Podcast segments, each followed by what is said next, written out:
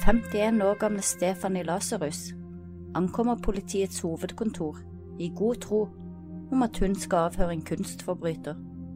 Det hun ikke vet, er at fortiden om kort tid kommer til å innhente henne og endre hennes liv for alltid.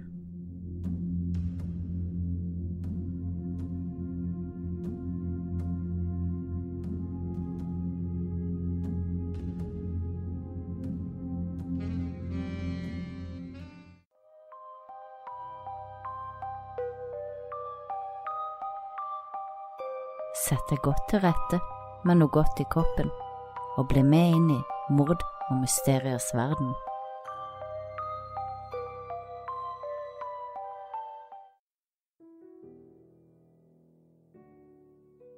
Sherry Rasmussen ble født 1. februar 1957 til sine foreldre Loretta og Nels Rasmussen i California. Her vokste hun opp i byen Vanois sammen med sine foreldre og søsteren Teresa. Da Sherry var 16 år gammel, begynte hun på college og gikk videre til Lama Linda-universitetet, hvor hun utdannet seg til spesialsykepleier. Det var her hun som 27-åring møtte John Rotten, og de utviklet kjapt et seriøst forhold. John Rotten var utdannet som mekanisk ingeniør og var 25 år gammel da han traff Sherry. Han var født og oppvokst i San Diego og var en kjekk, atletisk og aktiv mann. Før John møtte Sherry, hadde John et av og på-forhold med Stephanie Lasarus. Stephanie var snart ferdig med sin politiutdannelse, og som John var også hun veldig atletisk og aktiv. Stephanie og John sitt forhold besto for det meste av sex, og John så aldri på forholdet deres som noe mer enn et seksuelt forhold. Forholdet fortsatte til de begge var ferdig med utdannelsen. John fikk etter hvert arbeid i Mikropolis, og Stephanie fikk arbeid ved Los Angeles politistasjon. Da John fylte 25 år gammel, arrangerte Stephanie en overraskelsesfest for ham. Stephanie visste ikke at John på dette tidspunktet datet andre kvinner, eller at han holdt på å utvikle et seriøst forhold med Sherry. Det var ikke så lenge etter 25-årsdagen sin at John fortalte Stephanie at han var i et seriøst forhold med Sherry, og derfor ikke kunne fortsette å ha sex med Stephanie. Hun ble opprørt og lei seg. I motsetning til John hadde Stephanie sett på forholdet som mer enn bare sex, og hun var oppriktig forelska i John og hadde sett for seg en fremtid sammen med ham. John og Sherry ble raskt forlovet, men Stephanie ga ikke opp av den grunn.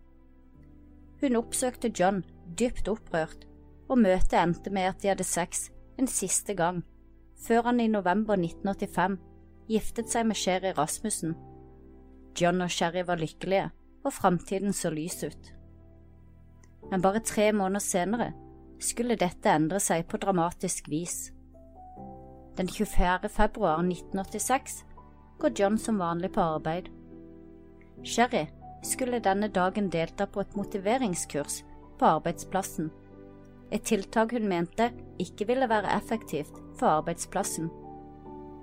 For å unngå hele møtet fortalte hun John at hun kanskje kom til å melde seg syk fra arbeid denne dagen.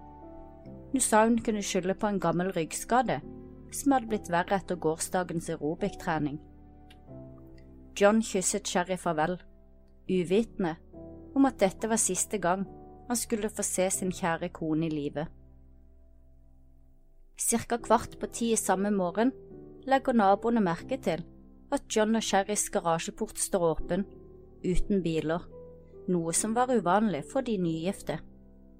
Rundt klokken ti ringer John hjem, men får ikke noe svar fra Sherry, og han antar at hun likevel valgte å gå på arbeid eller er ute for å gjøre noen ærend. Han forsøker å ringe noen ganger til utover dagen, men får ikke noe svar. Sherrys søster forsøker også å ringe henne i løpet av dagen, men heller ikke hun får noe svar. Rundt klokken tolv på formiddagen ble Sherrys nabo oppsøkt av to menn som arbeider som gartner på området. De hadde funnet en veske. Naboen tok vare på vesken, som senere viste seg å tilhøre Sherry.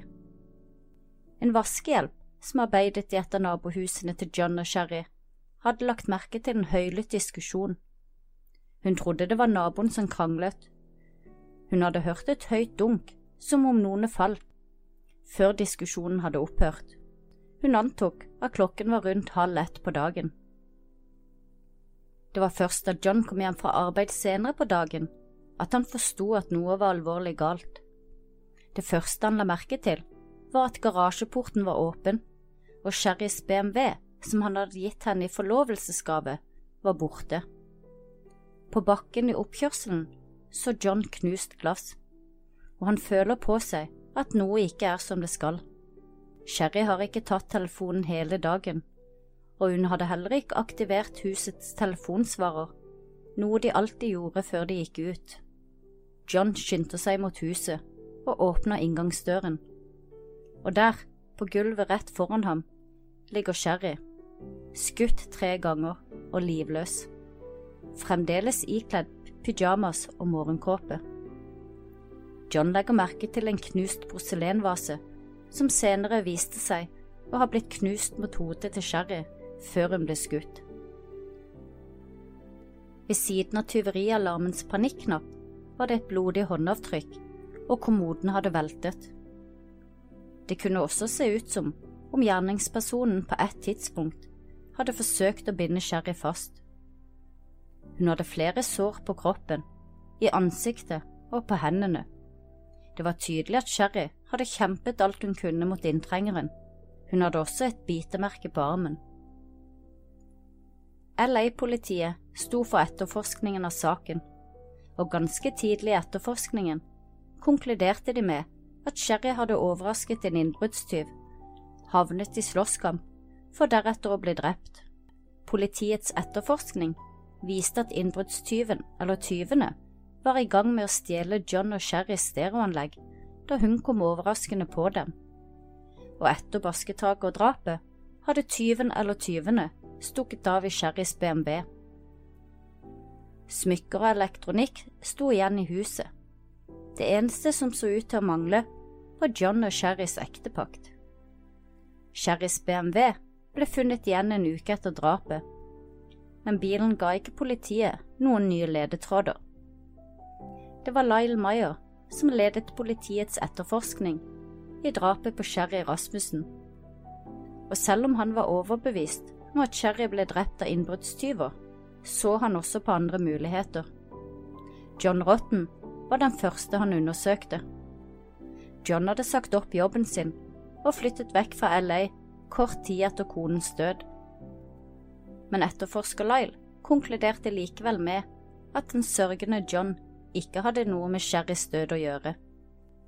Etterforsker Lyle hadde også pratet med Sherrys foreldre, Loretta og Nels. De hadde nevnt Johns ekkjæreste, Stephanie Lasarus. Sherry hadde fortalt dem at hun følte seg trakassert av Stephanie, at hun hadde møtt opp på sykehuset der Sherry arbeidet, og startet en krangel. Hun hadde også fortalt at Stephanie stadig oppsøkte John i hjemmet deres. John selv fortalte i avhør at han og Sherry aldri pratet om Stephanie, og at for hans del var hun et tilbakelagt kapittel. Etter deres siste møte, som hadde endt i sex, så hadde de ikke hatt noe mer kontakt. Han var en gift mann, og Stephanie begynte omsider å date nye menn. Politiet holdt fast ved innbruddsteorien sin det hadde blitt rapportert inn et lignende innbrudd i samme område, hvor en av innbruddstyvene hadde blitt observert bærende på et våpen, mest sannsynlig en 38 kaliber, som var samme våpentype som hadde drept Sherry. Etterforsker Lyle og hans partner Steve Hooks hadde dog stusset på bitemerket på Sherrys arm.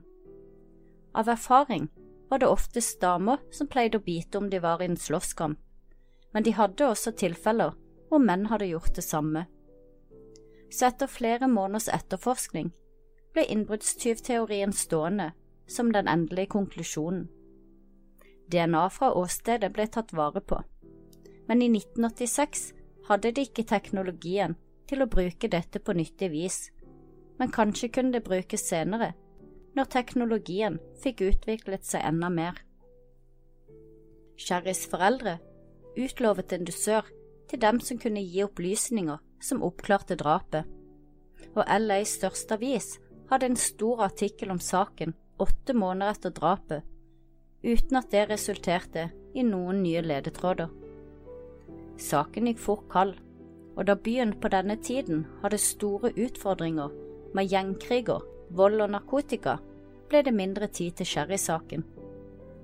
Foreldrene til Sherry følte at LA-politiet ikke etterforsket saken godt nok, og opplevde at politiet var til lite hjelp når de kontaktet dem. Når de ringte inn for å høre om etterforskningen, ble de ofte satt på vent, og noen ganger ble det bare lagt på uten at de fikk prate med noen. Ett år etter drapet på Sherry holdt foreldrene hennes en pressekonferanse hvor de kritiserte politiet for en slett og ensidig etterforskning. Sherrys far Nels skrev også flere brev til Daryl Gates, som var sjef for LA-politiet på det tidspunktet. Her ba han om at Stefani Lasarus ble grundigere etterforsket. Politiet på sin side svarte tilbake med Nels at han så for mye på TV, at de hadde etterforsket saken grundig, og at deres teori om et innbrudd som gikk galt, ble stående. I 1989, tre år etter drapet på Sherry, tok Stephanie og John opp igjen kontakten, en kort periode, før de skilte veien for godt. Stephanie fortsatte sitt arbeid i LA-politiet, før hun senere startet sitt eget etterforskningsfirma, Unike etterforskninger. Hun mottok flere medaljer og én gullmedalje for sitt arbeid innad i politiet.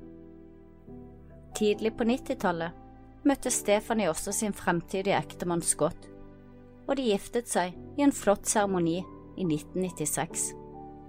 Stephanie og Scott adopterte en datter før de flyttet til Sim Valley, hvor Stephanie fikk arbeid som instruktør ved Politihøgskolen. John Rotten hadde på sin side også gått videre og giftet seg på nytt et annet sted i landet. Sherrys sak ble liggende i skuffen for uløste saker, og politiet hadde sluttet å etterforske. Men Sherrys far Nels, han ga seg ikke. Han trodde ingenting på politiets teori om at Sherry var blitt drept fordi hun overrasket noen innbruddstyver. Hans datter var en stor og sterk dame på 180 cm, og hun var i god fysisk form. Politiet hadde fortalt Nels at kampen mellom Sherry og inntrengeren kunne ha vart så lenge som halvannen time. Nels kunne ikke forstå at noen som kun var ute etter å stjele verdisakene, skulle ende opp med å bruke så lang tid på å slåss og drepe noen, fremfor å bare stikke fra huset når de ble oppdaget. Men det som gjorde Nels mest overbevist om at datteren ikke hadde blitt drept av en innbruddstyv, var det faktum at Sherry hadde blitt skutt i brystet på nært hold, og vedkommende som hadde skutt henne, hadde holdt et teppe foran pistolmunningen for å stilne lyden fra skuddet. Det kunne i Nels sine øyne bare bety at drapet ikke var et uhell som følge av en slåsskamp. På 90-tallet begynte DNA-teknologien å utvikle seg, og i 1993 tilbød Sherrys far Nell seg å betale for DNA-testing av bevisene som var samlet fra åstedet. Men politiet trengte en mistenkt å sjekke DNA-analysene mot, og siden de ikke hadde noen mistenkte, ble saken igjen lagt kald. Først elleve år senere, i 2004 hadde DNA-analyseringen kommet såpass langt at en egen etterforsker ved navn Jennifer Butterworth ble satt inn for å analysere de forskjellige DNA-bevisene som politiet hadde samlet inn fra tidligere uløste saker, inkludert drapet på Sherry. Da Jennifer gikk gjennom saken til Sherry, oppdaget hun at deler av bevisene i saken, inkludert prøvene som muligens inneholdt gjerningspersonens DNA, var forsvunnet etter å ha blitt flyttet på av en annen etterforsker i 1993. Det eneste DNA-beviset som var igjen for Jennifer å teste, var det som kun inneholdt Sherrys DNA. Jennifer gikk gjennom saksmappen flere ganger, og da hun gikk gjennom listen over alt som var blitt samlet inn fra åstedet, oppdaget hun at det skulle vært tatt en prøve fra bitemerket på Sherrys kropp. og etter en uke klarte hun å spore opp denne prøven. Den lå helt bakerst i fryseren, på kontoret til likskuren. Denne prøven hadde ved et uhell aldri blitt arkivert sammen med de andre bevisene i saken, og hadde derfor bare blitt liggende hos likskuren i alle disse årene. Jennifer analyserte DNA-et, men fant ingen match i DNA-databasen. Men noe informasjon klarte hun å hente ut fra analysen. Jennifer kunne fastslå at spyttet fra bitemerket tilhørte en kvinne. Med denne informasjonen gikk Jennifer igjennom hele saksmappen på nytt for å se om hun kunne finne noen flere ledetråder. Hun kom over et notat i saken som beskrev en kvinne som John Rotten skulle ha hatt et forhold til før han giftet seg med Sherry. Jennifer tok kontakt med etterforskerne for å høre om denne kvinnen var blitt skikkelig etterforsket. Hun fikk beskjed om at denne kvinnen, Stephanie Lasarus, som nå arbeidet som politi, var en tidligere kjæreste av John, og at hun var sjekket ut av saken. Etterforskerne fortsatte å insistere på at Sherry var drept av en eller flere innbruddstyver så Jennifers rapport og de øvrige bevisene ble nok en gang lagt tilbake i skuffen for uløste saker. Det skulle gå enda noen år før Sherry sin sak nok en gang ble tatt opp av skuffen. I 2009 opprettet LA-politiet en egen gruppe som skulle gå gjennom alle kalde saker i et forsøk på å øke statistikken over løste saker. Jim Nuttall og Pete Borba var en del av denne gruppen, og de startet med å bla seg gjennom sakspapirene som omhandlet Cherry sitt drap. De fant saken interessant nok til å gå etter bevisene og prøve å finne svar på hvem som hadde drept Cherry 23 år tidligere. Jim og Pete var enige om at siden DNA-analysen til Jennifer hadde vist at det var en kvinne som hadde bitt Sherry, la de bort politiets tidligere teori om at det var en innbruddstyv, og så på saken med nye øyne og blanke ark, og begynte på nytt å analysere bevis, vitneavhør og rapporter. De startet med teorien om at Cherry var blitt drept med overlegg, og at åstedet var blitt arrangert til å se ut som et innbrudd for å lure politiet. Da de gikk igjennom bevisene, hadde de funnet flere ting som støttet teorien deres og som pekte vekk fra politiets opprinnelige teori. Det første de bemerket, var at drapet hadde skjedd på dagtid. De mente dette pekte mot at det ikke var en innbruddstyv, da de som regel ikke opererte i dagslys. I tillegg lå Sherry og Johns leilighet midt i et inngjerdet boligområde, omringet av flere andre leiligheter. En innbruddstyv ville lett blitt oppdaget, og mest sannsynlig ikke tatt en slik sjanse hvis de først skulle gjøre innbrudd. Sherry sitt smykkeskrin hadde også stått lett synlig på kommoden hennes, men dette var urørt, som igjen ga Jim og Pete en bekreftelse på at det ikke var innbruddstyver som overrasket Sherry denne kalde februarmorgenen for 23 år siden. De oppdaget også at Sherry og John hadde alarm på døren deres, men dagen Sherry ble drept, hadde ikke politiet funnet noen tegn på at døren var brutt opp eller alarmen utløst. Dette ledet Jim og Pete til å mistenke at Sherry kjente gjerningspersonen, og selv hadde sluppet vedkommende inn i leiligheten. De bet seg også merke et stereoanlegg som var blitt funnet på toppen av trappa til andre etasje. Bevisene fra åstedet hadde gitt indikasjoner på at kampen mellom Sherry og inntrengeren hadde begynt i andre etasje og fortsatt nedover til første. Og hvis dette var tilfellet, så mente Jim og Pete at stereoanlegget burde ha falt ned i kampens sete, og konkluderte derfor med at anlegget måtte ha blitt plassert der etter drapet for å få det til å se ut som et innbruddsforsøk. En ekte tyv ville ha stukket fra åstedet etter drapet, og ikke brukt tid på å arrangere åstedet. På en platespiller som sto oppå anlegget, hadde politiet dessuten funnet et tommelformet blodmerke uten fingeravtrykk, noe som tydet på at gjerningspersonen hadde hatt på seg hansker og berørt anlegget etter drapet. Blodet hadde blitt analysert og viste seg å tilhøre Sherry. Etter å ha gått gjennom alle bevisene og lest alle rapportene i saken, satt Jim og Pete igjen med en liste på fem kvinnelige mistenkte. En av disse kvinnene var Stephanie Lasarus. De oppdaget fort at Stephanie var en høyt respektert politikvinne som i mange år hadde arbeidet ved LA-politiet.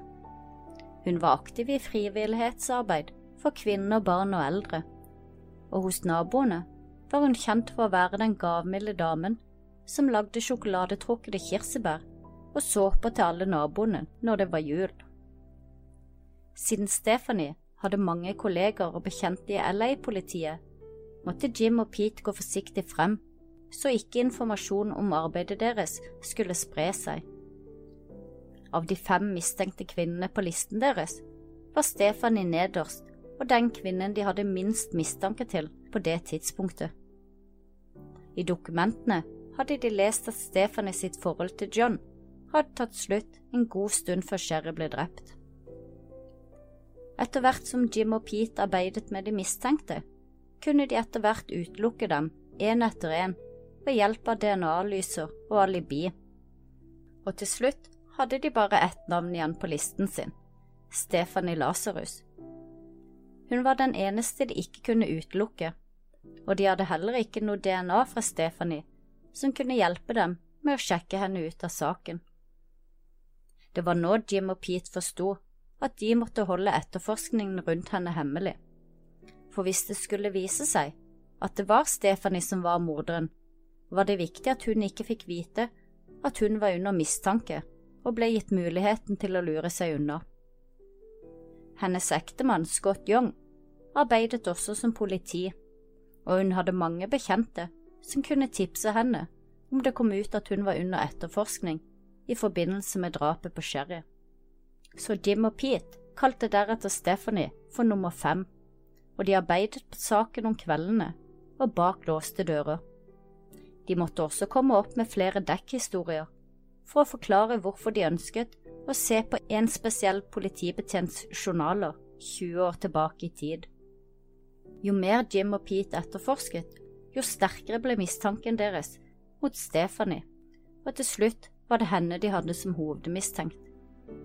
De hadde funnet ut at den dagen Sherry ble drept, hadde Stephanie hatt fri fra arbeid. Altså hadde hun både motiv og tid for å drepe Sherry. Da de pratet med Sherrys far Nels, kunne han fortelle Jim og Pete at Stephanie hadde fortsatt å ta kontakt med Sherry helt frem til hun døde. Dette hadde ikke stått nedskrevet i saksmappen på tross av at Nels hadde nevnt dette flere ganger til de første etterforskerne. Jim og Pete tok med seg all informasjonen og mistankene sine til deres øverste leder. De ble enige om å forsøke å få tak i en DNA-prøve fra Stephanie på en diskré måte, slik at hun ikke skulle fatte mistanke om at hun var under etterforskning. De holdt henne under oppsyn, og en dag da hun hadde fri fra arbeid, var hun i byen og gjorde noen ærend. De som holdt henne under oppsyn, så at hun drakk fra en kaffekopp som hun siden kastet i søpla. Politiet fikk tak i koppen, og DNA ble hentet ut. Da de kjørte DNA-testen fra Stephanie opp mot DNA fra Sherry sitt bitemerke, fikk de full match. Endelig hadde de fått et gjennombrudd i saken, men sjokket var stort da ingen egentlig hadde forventet at det var Stephanie som sto bak drapet. Arrestasjonen av Stephanie ble nøye planlagt, og det var viktig for politiet at de fikk henne inn på avhørsrommet uten våpen, og uten at hun forsto at hun var mistenkt for drapet på Sherry. Politiet som skulle kontakte Stephanie, var nøye utvalgt. Det var betjenter som ikke kjente henne fra tidligere. De bestemte seg for å be henne komme inn til hovedkontoret, under påskudd om at de hadde en person i arresten som ønsket å fortelle noe om et ran av kunst, som var Stefanie sitt spesialfelt på denne tiden. Ved hovedkontoret var det også slik at man måtte legge fra seg alle våpen før man fikk slippe inn i bygningen. Etterforskerne var bekymret for at Stefani skulle bli aggressiv under arrestasjonen og trekke våpen. Stephanie Lasarus ankommer hovedkontoret, intetanende om at fortiden om kort tid kommer til å innhente henne og endre livet hennes for alltid. Hun leverer fra seg våpenet ved inngangen og blir ført inn på avhørsrommet. Jim og Pete vet at de må være smarte i måten de prater med henne på. Som mangeårig politikvinne var Stephanie godt kjent med avhørsteknikkene og hennes rettigheter til å ikke måtte uttale seg uten advokat og uten å være arrestert. Når Stephanie får satt seg ned i avhørsrommet, skjønner hun fort at alt ikke er som det skal. Det er kun henne og to andre etterforskere i rommet, og hun lurer på hvor vedkommende hun ble bedt om å prate med, er blitt av.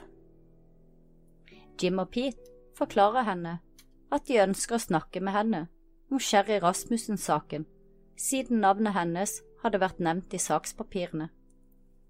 Videre forklarte de at siden hun var ekskjæresten til John, Sherrys mann på drapstidspunktet, så ønsket de å prate med henne diskré, slik at ikke alle på huset skulle vite det, av hensyn til henne og hennes ektemann Scott. De ville unngå at det ble sladret i gangene. We'll bring, you're going to bring somebody in, right? Yeah, well, I can Oh, okay. the whole thing to too.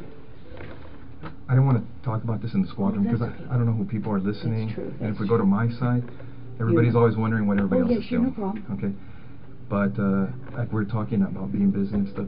We've been assigned a case that we've been looking at. Okay. it's a new case, and reviewing the case, there's some notes uh, to see uh, as far as your name being mentioned. Do Oh, you, okay. Do you know John Rutan?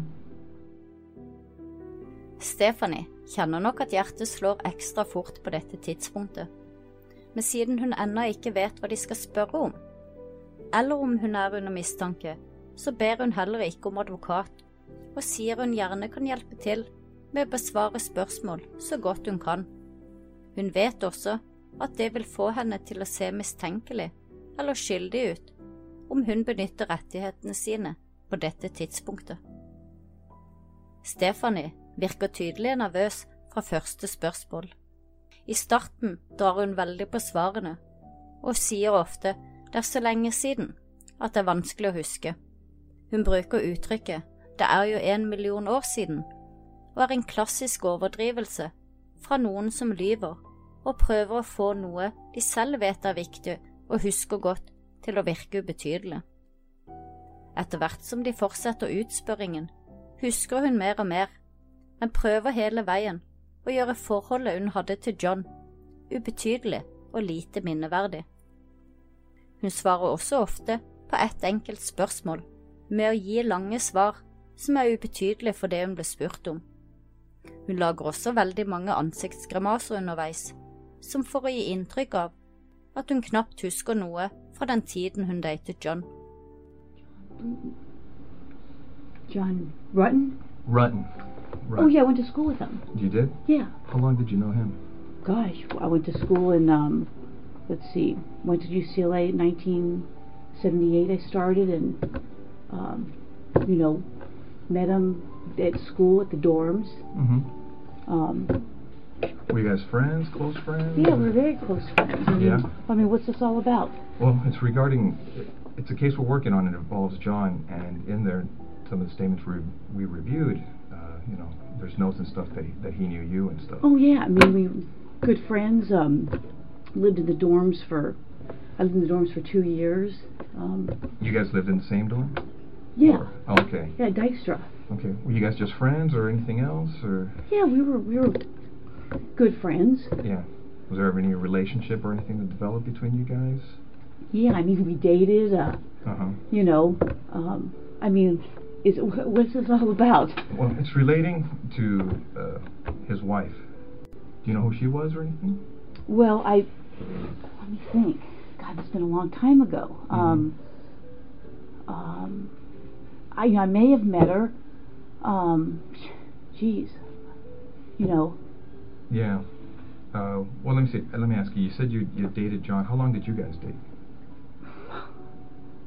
I mean, what, are you guys? Is this something?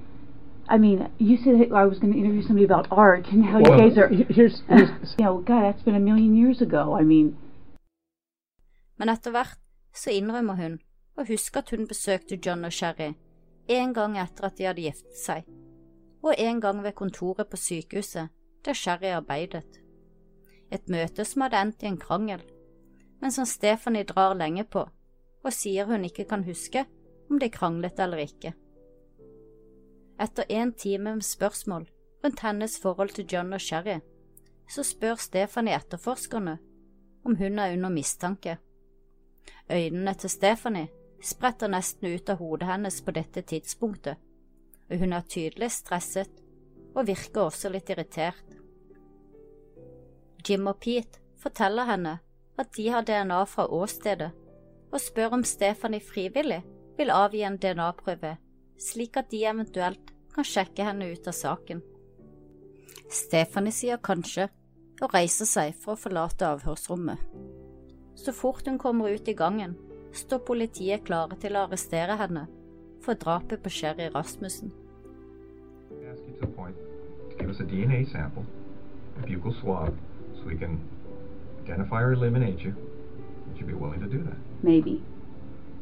Because I know this. I, I, I, I Well, that's where we're at to. I mean, because right now, from looking at the evidence, it's, you know, it's possible we may have some DNA at the location. that's great. And we're going to do what we can to try to put this thing together. And your name's in the book. These people are pointing at you for whatever reason. I don't know why.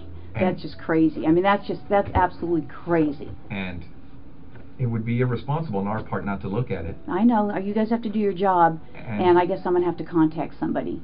So, that's fair. I mean, because I know how this stuff works. I Sure. mean, I, I, I, I, I just can't believe it. That's, I I mean, we, we understand that. I mean, if we were in your position, I mean, we would feel the same way. I, I just can't even believe it. I mean, it's just. I, I- I mean, I'm shocked. I'm really shocked that somebody would be blame, saying that I did this. I mean, we had a fight, and so I went and killed her. I mean, come on. Well, That's. okay. All right. Well, thanks for giving me the courtesy. I wish I tape recorded Thanks for your time. Yeah, thank you. All right, Stephanie, take care. All right.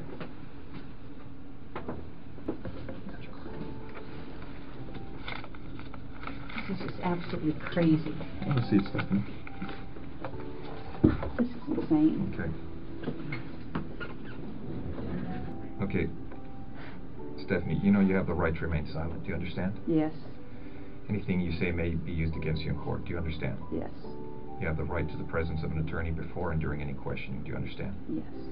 If you cannot afford an attorney, one will be appointed for you free of charge before any questioning if you want. Do you understand? Yes. If you want to talk to us right now. No. okay. All right. Okay. This then. is crazy. This is abs- I'm like I'm like in shock. I'm totally in shock. Da politiet ransaket huset hennes etter arrestasjonen, fant de dagboken hennes fra 80-tallet. Der fant de flere sider hvor Stephanie skriver om hvor forelsket hun var i John Rotten, og hvor sjalu og fortvilt hun var over hans forlovelse og senere ekteskap med Sherry. Dette sto i sterk kontrast til hva hun hadde gitt uttrykk for under avhøret. Pistolen som ble brukt til å drepe Sherry, av samme type som LA-politiet og Stephanie brukte på drapstidspunktet, men Stephanie hadde meldt sitt våpen stjålet en liten stund før drapet på Sherry. Dagboken hennes nevnte ingenting om våpen som var blitt stjålet. På en gammel PC som de fant i Sherrys hus, var ennå søkehistorikken tilgjengelig, og de oppdaget at hun hadde søkt på John Rotten sitt navn flere ganger på slutten av 90-tallet, år etter at hun hadde giftet seg med Scott, hennes nåværende ektemann. Da nyheten sprakk på LA sitt politihus om at Stephanie Lasarus var arrestert for drap, var det mange av hennes tidligere kolleger som hadde vanskelig for å tro at det kunne stemme. De kjente Stephanie som en dyktig politibetjent, omsorgsfull og som en kvinne som var dypt engasjert i å hjelpe andre. Saken vakte stor oppmerksomhet i media.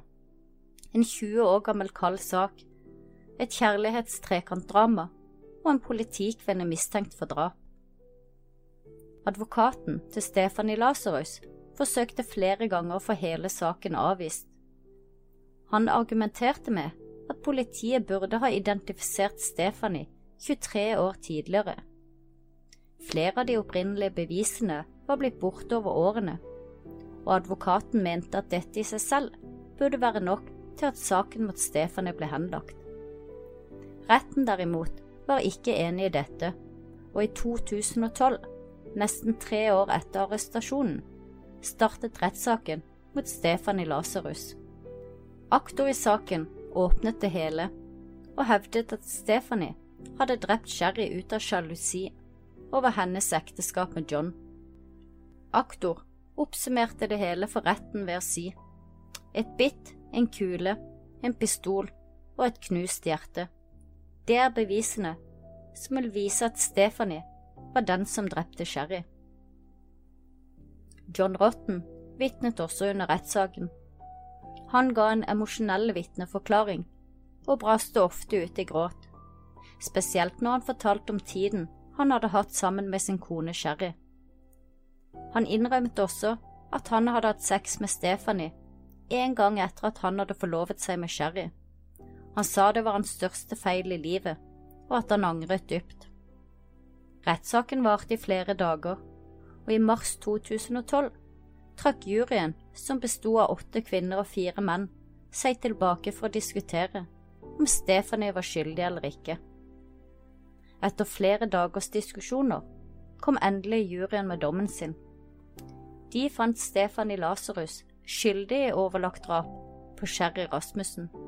Stefani, som nå var blitt 52 år gammel, 26 år etter drapet på Sherry, ble dømt til 27 år til livstid i fengsel. Først i 2034 vil hun kunne søke om prøveløslatelse. Dommen soner hun i Californias fengsel for kvinner som ligger i korona. Good afternoon. I understand you have reached a verdict in this matter. Is that correct? Yes, Your Honor. All right, please provide the verdict to the bailiff.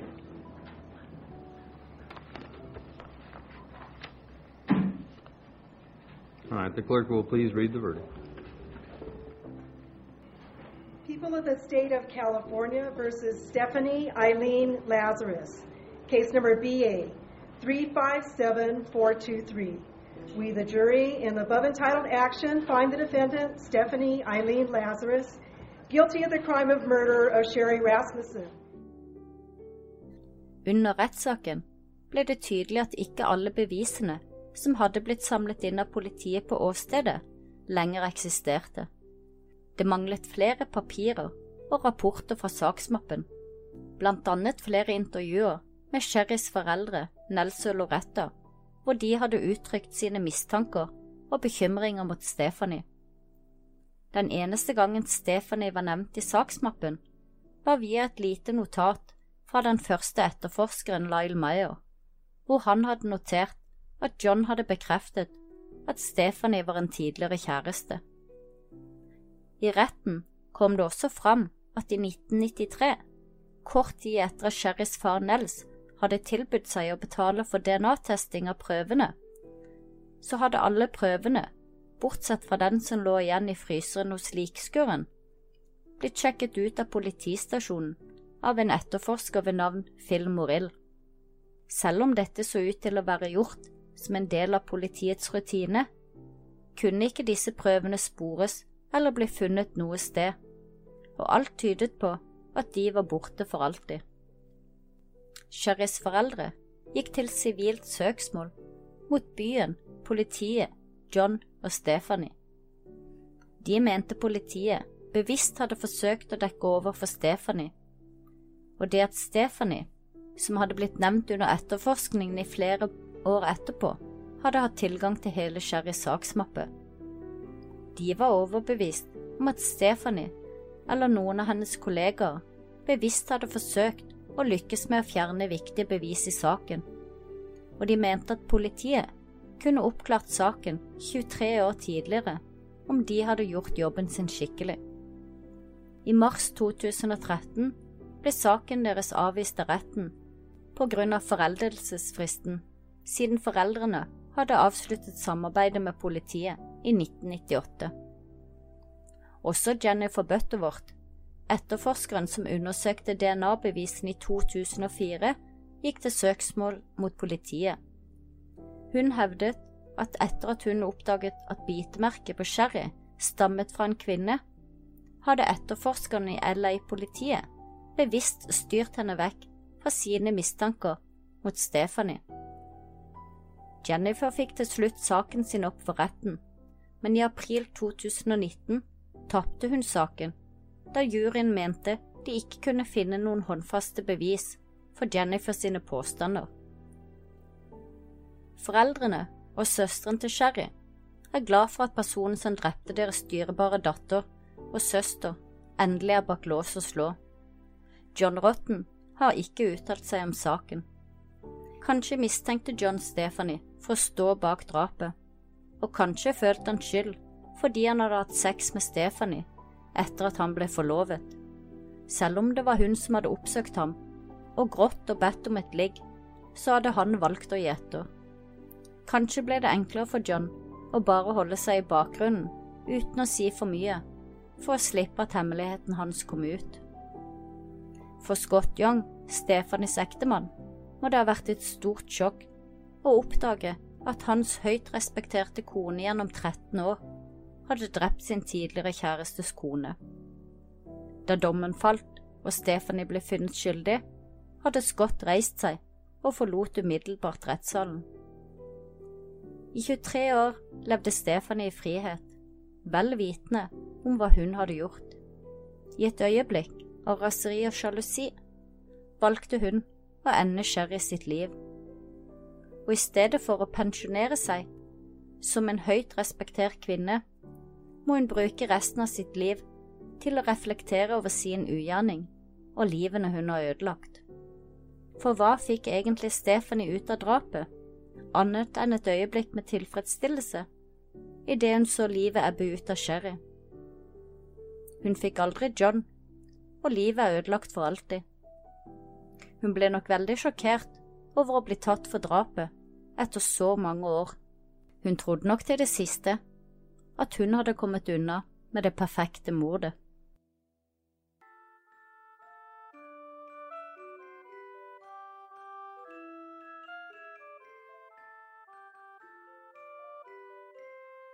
Siden dette er siste episode før julaften, så vil jeg bare ønske dere alle en riktig god og fredfull jul.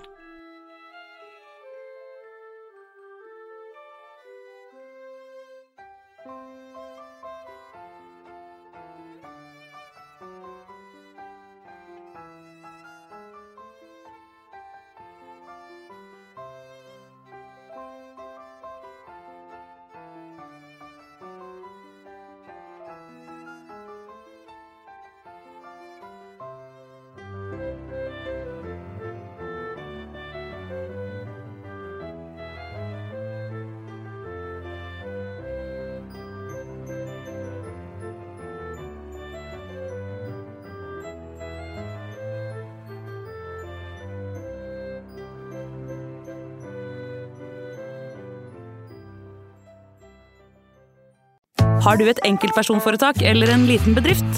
Da er du sikkert lei av å høre meg snakke om hvor enkelt det er med kvitteringer og bilag i fiken, så vi eh, gir oss her, vi. Fordi vi liker enkelt. Fiken superenkelt regnskap.